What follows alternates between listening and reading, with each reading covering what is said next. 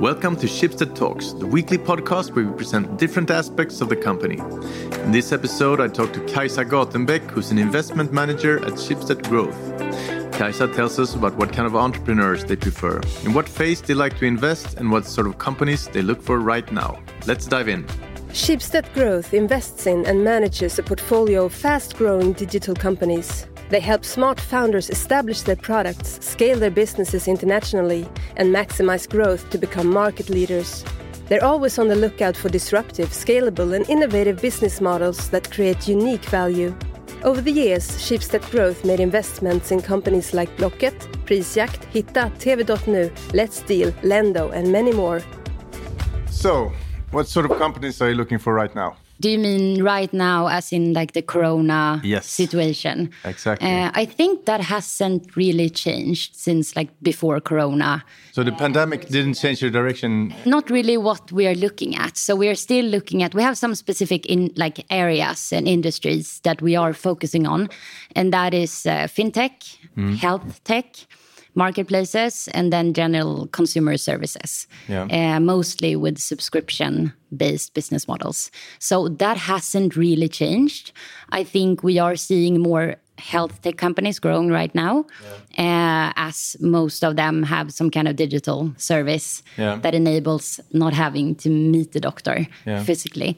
So um, those companies are growing quite fast, and therefore we spend more time on them And as which well. ones are these? Is Mindler? yeah, we have invested in Mindler. So describe Mindler. Yeah, Mindler, they're a digital health service focusing on mental health. What they do is that they connect patients with psychologists and they offer digital KBT programs and so on. Did they see an increase in, in revenue during this? I mean, did people call them and I'm, Yes, I'm depressed, this corona? I assume that more people have been feeling more depressed and maybe felt more like stress and, and so on during these times. Maybe they have lost jobs, maybe they're just not comfortable being by themselves, feeling isolated and so on. So uh, I think that yes, they have been like more patients coming to Mindler and uh, needing help.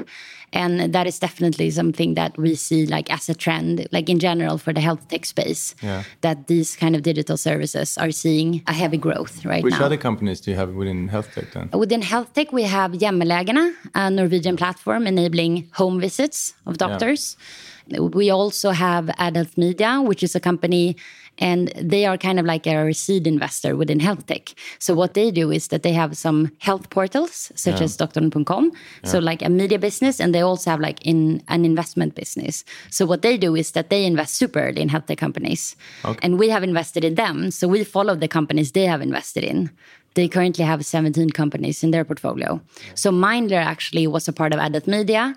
So they invested in other, in Mindler, and then we followed Mindler through Adult Media, and then did a direct investment in Mindler And how many companies do you have within your portfolio then?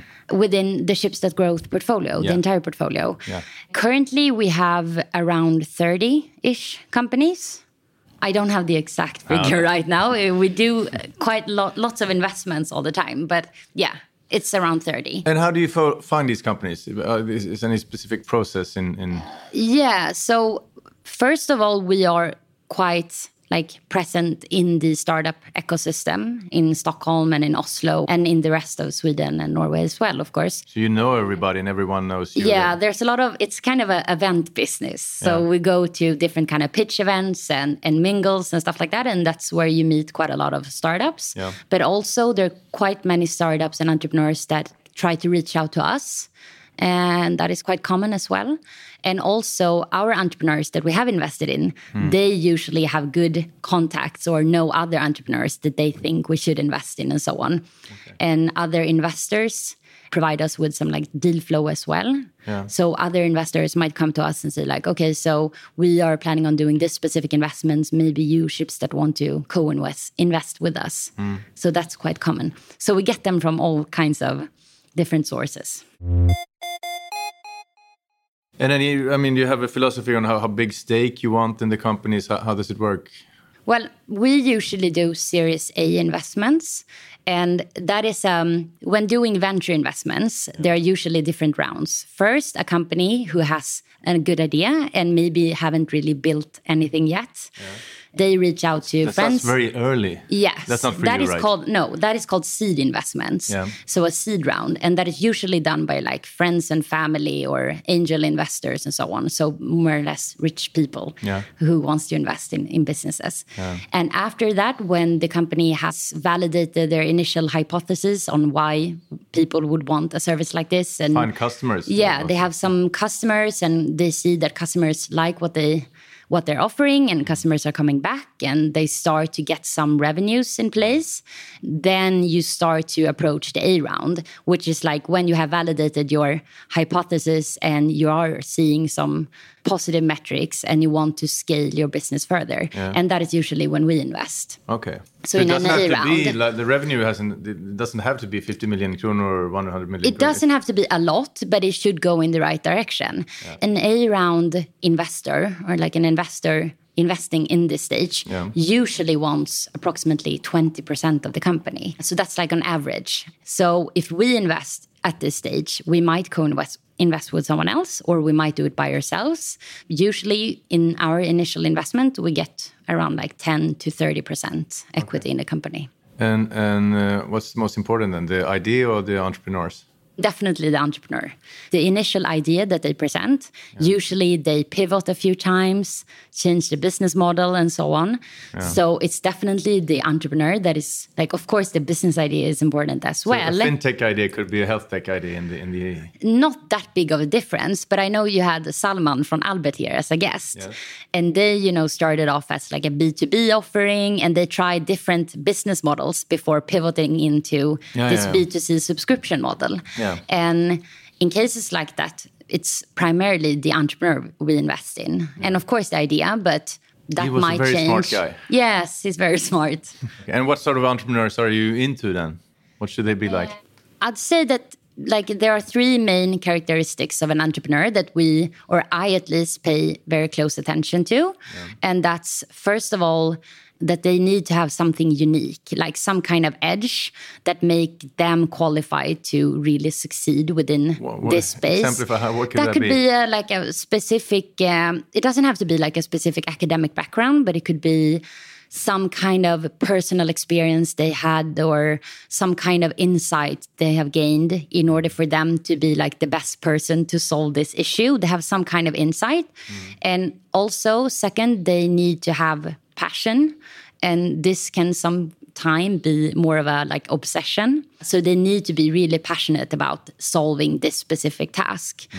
and uh, live to do this. And i think that this is also important when like building a team because if you have a really passionate leader mm. that will reflect upon the entire organization that you will really try to you live for the company's purpose more or less. Mm. So passion is really important. And then thirdly being kind and a good person with a high sense of empathy because You like no, no asshole policy then. no asshole policy because investing that's kind of like a long-term relationship Yeah. you're in for like the long run Yeah. and you will stick to this person and they will stick to us for quite some time so it's important for the relationship to work out that they're like a kind good person and doing this for the right reasons so yeah those are the characteristics that i think are most important On that note, or sort of on that note, in Schibsted we talk about the importance of building a sustainable and democratic society.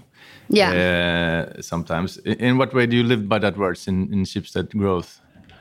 we are trying to like looking at the startup space now many of the startups have some kind of purpose driven approach Yeah. in how they are like creating their business and having some kind of greater purpose and just looking at what we are doing right now within the health space that is around like providing people or patients with better experience within health to uh, provide them with like more effective healthcare or better quality and better access to healthcare. So we are really trying to have that purpose driven mindset, of course. And in general, we are trying to provide people with like better digital services that Yeah. enables or helps them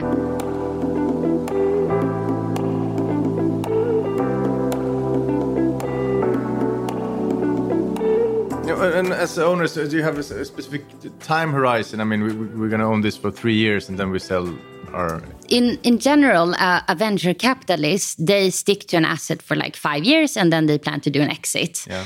Uh, however, we do balance sheet investing, so we don't have a fund where we need to make a return to the investors at some point. So what we do is that we can be very long term. Usually, after a few years' time, it might make sense for us to increase our ownership. It might make sense for us to exit the company. Yeah. So I'd say that the usual time horizon might be like five to 10 years.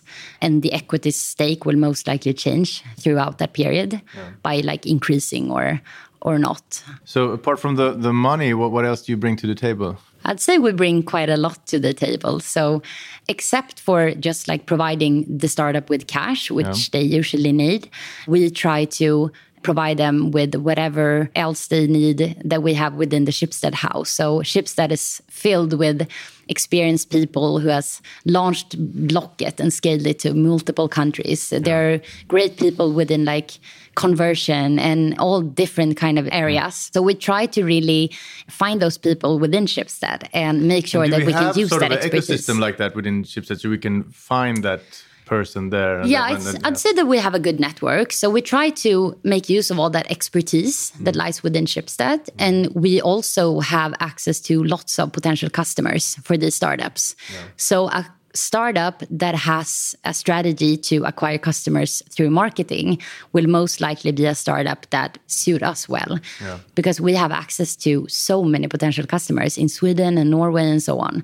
And this is something that startups usually see as super attractive.